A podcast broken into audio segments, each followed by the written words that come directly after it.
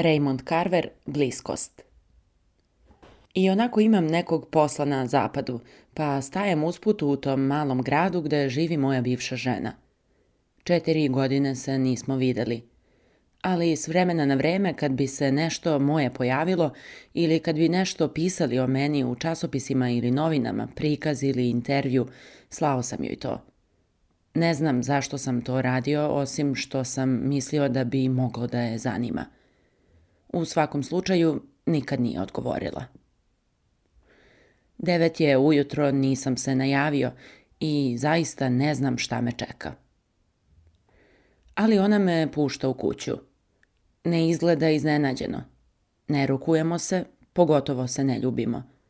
Uvodi me u dnevnu sobu. Čim sednem, donosi mi kafu. Onda govori o onom što je muči. Kaže da sam ja uzrok njenih patnji, da se zbog mene osjeća razgolićeno i poniženo. Da se ne lažemo, osjećam se kao kod kuće. Ona kaže, rano si počeo da me varaš, oduvek si olako shvatao preljubu. Ne, kaže, nije istina, bar ne u početku, tada si bio drugčiji. Ali valjda sam i ja bila drugčija. Sve je bilo drugčije, kaže. Ne, to je bilo posle tvoje 35. ili 36. Tu negde u svakom slučaju, tada si počeo. I baš te krenulo. Okomio si se na mene. Lepo si se snašao. Mora da si ponosa na sebe. Kaže, ponekad mi dođe da vrištim. Kaže da bi volela da zaboravim teška vremena, loša vremena kad pričamo o onom što je nekad bilo. Da se pozabavi malo lepim momentima, kaže. Zar nije bilo lepih momenata? Volela bi da sjašem s one druge teme. Dosadilo joj to, muka joj je da sluša o tome. Tvoj privatni konjić za jahanje, kaže. Šta je učinjeno? Učinjeno je i bilo pa prošlo, kaže. Tragedija, da. Bog zna da je to bila tragedija i više od toga. Ali čemu terati dalje sa tim? Zar ti nikad ne dosadi da kopaš po prošlosti? Kaže, ostavi se više prošlosti, tih starih rana. Imaš valjda još neke adute pri ruci. Kaže, znaš šta? Ja mislim da si ti bolestan. Mislim da si totalno lud. Ej, Ne veruješ valjda u sve što pričaju o tebi. Ništa im ne veruj, kaže. Slušaj, mogla bih i ja da im ispričam ponešto. Neka mene pitaju o tebi ako im treba priča. Kaže, slušaš li me? Slušam, kažem joj. Sav sam se pretvorio u uvo, kažem. Ona kaže, stvarno mi je više muka od toga, druže. Ko te u ostalom pozvao danas? Ja sigurno nisam. Samo se pojaviš i ušetaš. Ma Šta ti uopšte hoćeš od mene? Hoćeš krv? Ti bi još krvi. Mislila sam da si se već dovoljno napio. Kaže, misli o meni kao da sam mrtva. Hoću da me svi ostave na miru. To je sve što želim. Da me ostave na miru i zaborave na mene. Ej, meni je 45 godina, kaže. 45 koje idu ka 55 ili 65, skini mi se više. Kaže, zašto ne obrišeš tablu i pogledaš malo šta ti posle toga preostaje? Zašto ne počneš od nule, pa vidi dokle ćeš dogurati, kaže. Mora da se nasmeje tome. I ja se smejem, ali to su samo živci. Ona kaže, znaš šta, i ja sam nekad imala priliku – ali sam je ispustila. Prosto sam je ispustila. Ne verujem da sam ti to ikad rekla. Ali pogledaj me sad, pogledaj. Dobro me pogledaj kad si već tu.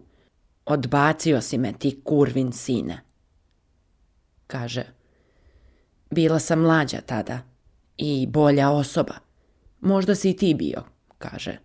Bolja osoba, mislim. Mora da si bio. Bio si bolji tada, inače ništa s tobom ne bih ni imala kaže. Nekad sam te toliko volela. Volela sam te do ludila. Jesam, više od svega na ovom svetu. Zamisli to. Kakva je to sad smejurija. Možeš li to da zamisliš? Bili smo toliko bliski nekad, da sad ne mogu da poverujem u to. Mislim da je to sad ono najčudnije. Sećanje da sam bila toliko bliska s nekim. Toliko smo bili bliski da mi dođe da povratim. Ne mogu ni da zamislim da bih ikad mogla da budem toliko bliska s nekim. I nisam. Kaže. Iskreno i najozbiljnije to mislim. Hoću da u buduće budem pošteđena toga. Šta ti uopšte zamišljaš?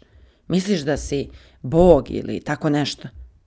Nisi dostojan da poližeš bogu čizme ili bilo kome kad smo već kod toga – Ti se, druže, viđaš s pogrešnim ljudima. Ali šta ja uopšte znam? Ne znam čak više ni ono što znam. Znam da mi se ne sviđa to što serviraš naokolo, toliko znam. Jasno ti je o čemu pričam, zar ne? Jesam li u pravu? U pravu si, kažem. Sasvim si u pravu. Ona kaže, složit ćeš se sa bilo čim, zar ne? Olako se predaješ, Uvek si povlađivao. Nemaš nikakvih principa, ni jedan jedini. Sve bi uradio da izbegneš sukob. Ali onda nisi ni tamo ni ovamo. Kaže, sećaš li se kad sam potegla nož na tebe? Kaže to onako uzgred, kao nešto nevažno. Jedva, kažem. Mora da sam to zaslužio, ali ne sećam se detalja. Samo napred. Pričaj mi o tome. Ona kaže, Sad mi je nešto postalo jasno. Mislim da znam zašto si ovde. Da, znam zašto si ovde, čak ako ni sam to ne znaš. Ali namazan si ti. Znaš ti zašto si ovde? Krenuo si na pecanje. Loviš materijal. Jesam li blizu? Jesam li u pravu? Pričaj mi o nožu, kažem. Ona kaže, Da budem iskrena, baš mi je žao što nisam upotrebila taj nož. Žao mi je. Istinski i stvarno mi je žao. Mislila sam i mislila o tome i baš mi je žao što ga nisam upotrebila. Imala sam priliku, ali sam oklevala. Oklevala sam i pogubila se, što bi se reklo. Ali trebalo je da ga upotrebim, pa nek sve i svi odu dođavola. Trebalo je bar ruku da ti recnem, bar toliko ali nisi, kažem. Mislio sam da ćeš da me posečeš s njim, ali nisi, oteo sam ti ga. Ona kaže, od uvek si imao sreće.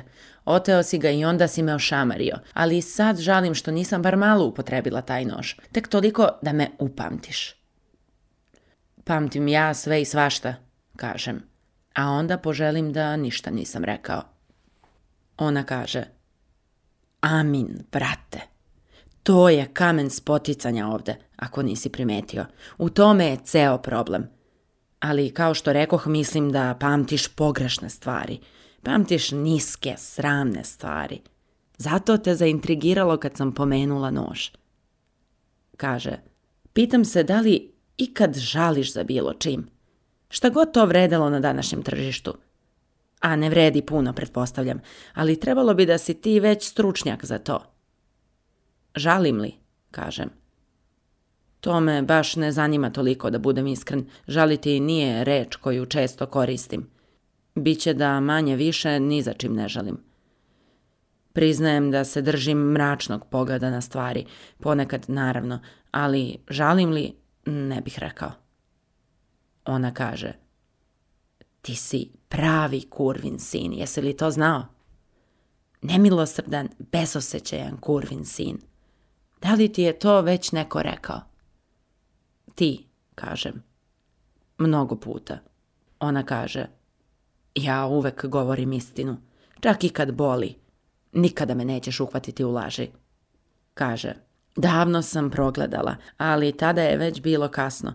Imala sam svoju priliku, ali pustila sam da mi isklizne kroz prste. Čak sam neko vreme mislila da ćeš se vratiti. Zašto sam to uopšte mislila? Mora da sam bila luda. Oči bih sad mogla da isplačem, ali neću ti pružiti to zadovoljstvo. Kaže, znaš šta? Mislim da i kad bi se ti sad zapalio, kad bi odjednom buknuo u plamen, ne bih ni kofu vode prosula na tebe. Nasmeje se ovome. Onda joj se lice ponovo smrači. Kaže, i šta ćeš kog đavola ovde? Da čuješ još nešto? Danima bih mogla ovako. Mislim, mislim da znam zašto si se pojavio, ali hoću da čujem to od tebe. Kad ništa ne odgovorim, samo i dalje sedim tu, ona nastavi.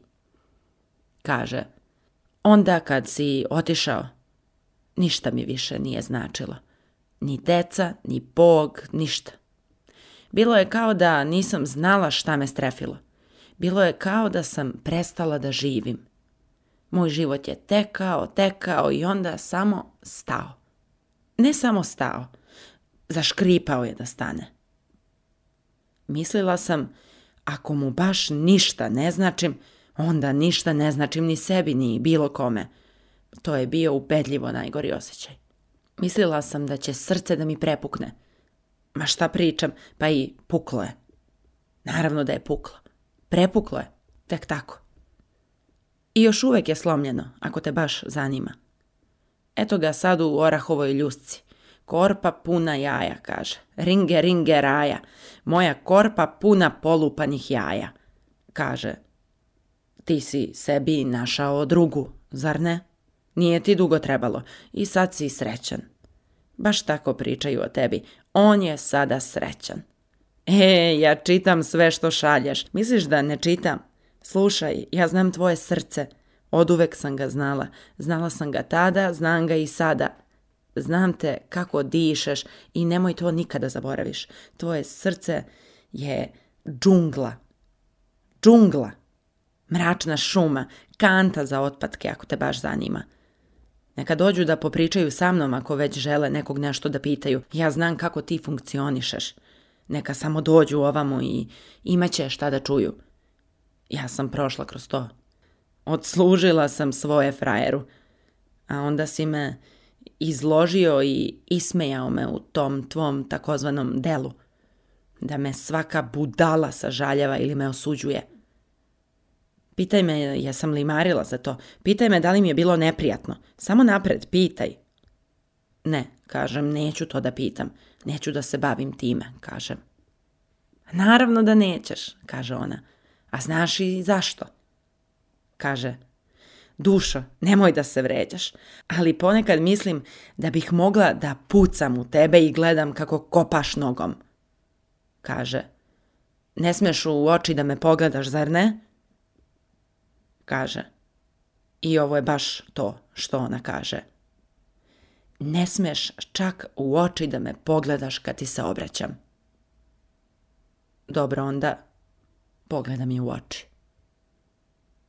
Ona kaže, tako, u redu, kaže. Sad ćemo već negde istići, možda, to je već bolje. Iz očiju možeš dosta toga da kažeš o nekom s kim razgovaraš. To svako zna. A znaš li još nešto? Nema nikog na čitavom svetu ko bi ti ovo rekao, ali evo ja ću ti reći, imam pravo na to. Zaslužila sam to pravo, batice.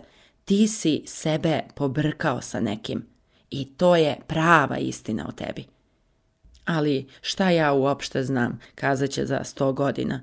Kazaće, ko je uopšte bila ona?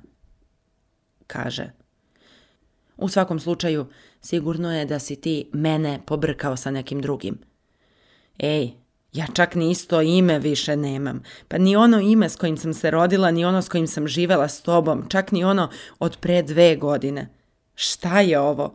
O čemu se ovde uopšte radi? Da ti kažem nešto. Hoću da me sad ostaviš na miru. Molim te. Zar je to zločin? Kaže. Zar ne bi trebalo da budeš negde? da uhvatiš neki avion. Zar ne bi trebalo da si u ovom trenutku negde daleko odavde? Ne, kažem, ponovim to. Ne, nigde, kažem. Nema nikakvog mesta na kom bi trebalo da budem. A onda uradim nešto. Pružam ruku i hvatam rukav njene bluze palcem i kaže prstom. Samo to. Samo je tako dodirnem i onda povučem ruku. Ona se ne odmiče ne pomera se. Onda evo šta još radim. Kleknem ovako velik kakav sam i uhvatim skut njene haljine. Šta ja to radim na podu, voleo bih da mogu da kažem. Ali znam da bi tu trebalo da budem. I tu sam na kolenima, držim se za skut njene haljine. Ona na trenutak miruje. Ali odmah zatim kaže. Ej, u redu je budalo. Ponekad si tako glup. Ustani sad. Kažem ti da ustaneš. Slušaj, u redu je. Prebolela sam. Trebalo mi je vremena da prebolim. A šta ti misliš? Zar si mislio da neću? Onda, onda ušetaš ovamo i odjednom se sva ta havarija vrati. Došlo mi da se malo ispraznim. Ali ti znaš, a ja znam, da je sve to gotovo i okončano. Kaže. Dugo sam, dugo bila neutešna. Neutešna, kaže. Zapiši tu reč u tvoj notas. Iz iskustva ti kažem da je to najtužnija reč u engleskom jeziku. Sve u svemu na kraju sam prebolela. Vreme je džentlmen, rekao je neki mudrac. Ili možda neka propala stara žena, svejedno. Kaže, sad imam svoj život. To je drugačiji život od tvog, ali zašto bismo se uopšte poredili? To je moj život i to je ono važno što bih s godinama morala da shvatim. U svakom slučaju, ne osjećaj se preterano loše, kaže. Mislim, u redu je osjećati se pomalo loše, možda. To ne može da škodi, to je posle svega sasvim normalno, čak i ako nisi u stanju da zažališ ili da se pokaješ. Kaže, Sad moraš da ustaneš i da odeš odavde. Kako da mu objasnim ovako nešto? Suludo je, ali i dalje sam na kolenima i držim se za skut njene haljine. Neću da je pustim. Kao terijer sam i kao da sam prikovan za pod. Kao da ne mogu da se pokrenem. Ona kaže, ustani sad, šta ti je? Još uvek nešto hoćeš od mene. Šta hoćeš? Hoćeš da ti oprostim. Zato ovo radiš. U tome je stvar, znači. To je razlog što si došao čak ovamo. A živnuo si malo posle onoga sa nožem. Mislim da si zaboravio na to, ali trebala sam ti ja da te podsjetim. U redu, reći ću nešto ako sada odeš. Kaže, opraštam ti. Kaže, jesi li sad zadovoljan? Jel sad bolje? Jesi li srećan? Sad je srećan, kaže ona. Ali ja sam i dalje tu, na kolenima. Ona kaže, jesi li čuo šta sam rekla? Sad moraš da odeš. Ej, budalo, dušo, rekla sam ti da ti opraštam. Čak sam te i podsjetila na ono sa nožem. Ne znam šta bi još trebalo da uradim. Baš si me našao. Hajde sad, moraš da odeš odavde. Ustani, tako, još si veliki momak, zar ne? Evo ti šešir, ne zaboravi šešir. Nikada nisi nosio šešir, nisam te u životu videla sa šeširom. Kaže, Slušaj me sad. Pogledaj me. Pažljivo slušaj ono što ću da ti kažem. Prilazi mi. Na samo tri inča je od mog lica. Dugo već nismo bili tako blizu. Jedva dišem da ne može da me čuje i čekam. Mislim da mi srce jako usporava. To mislim u sebi. Ona kaže. Samo ti to ispričaj onako kako moraš, valjda i ostalo zaboravi. Kao i uvek. To i onako već toliko dugo radiš, pa ne bi trebalo da ti bude teško. Kaže, eto, učinjela sam to. Slobodan si, zar ne? Ili bar misliš da jesi. Najzad slobodan. To je šala, ali ne smej se. U svakom slučaju bolje ti je, zar ne? Ide sa mnom niz hodnik. Kaže, ne mogu ni da zamislim kako bih ovo objasnila da mi muž sad uđe u kuću. Ali koga je više brika, zar ne? Kad se sve sabere, nikog više nije briga ni za što. Osim toga, mislim da je sve što može da se desi već i desilo. I on se inače zove Fred i pristojan je čovek i teško zarađuje za život. Stalo mu je do mene. I tako me prati do ulaznih vrata, koja su sve vreme bila otvorena – Vrata kroz koja su ulazili svetlosti, svež vazduh ovog jutra i zvuci ulice, a sve to kao da nije ni postojalo za nas. Pogadam napolje i... Isuse, tu je taj beli mesec na jutarnjem nebu. Ne sećam se da sam ikad video tako nešto. Ali bojim se da to kažem. Stvarno. Ne znam šta bi moglo da se desi. Mogao bih čak i da se rasplačem. Mogao bih da ne shvatim ni reč onoga što bih rekao. Ona kaže, možda ćeš se jednom vratiti, a možda i nećeš. Ovo će da izvetri, znaš? Ubrzo ćeš se opet osjećati loše. Možda ispadne dobra priča od toga, kaže. Ali ja ne želim da znam za nju. Kažem joj s Bogom. Ona ništa više ne govori gleda u svoje šake, onda ih gura u džepove haljine. Odmahne glavom, vraća se u kuću i ovog puta zatvara vrata. Hodam trotoarom. Neka deca bacaju loptu na kraju ulice, ali to nisu moja deca, a nisu ni njena deca. Svuda je lišće i čak i u slivnicima. Hrpe lišća na sve strane – opada s grana dok hodam dalje. Ni korak ne mogu da napravim da mi cipela ne ugazi u lišće. Neko bi morao da uloži napor ovde. Neko bi morao da uzme grabulje i da sredi sve ovo.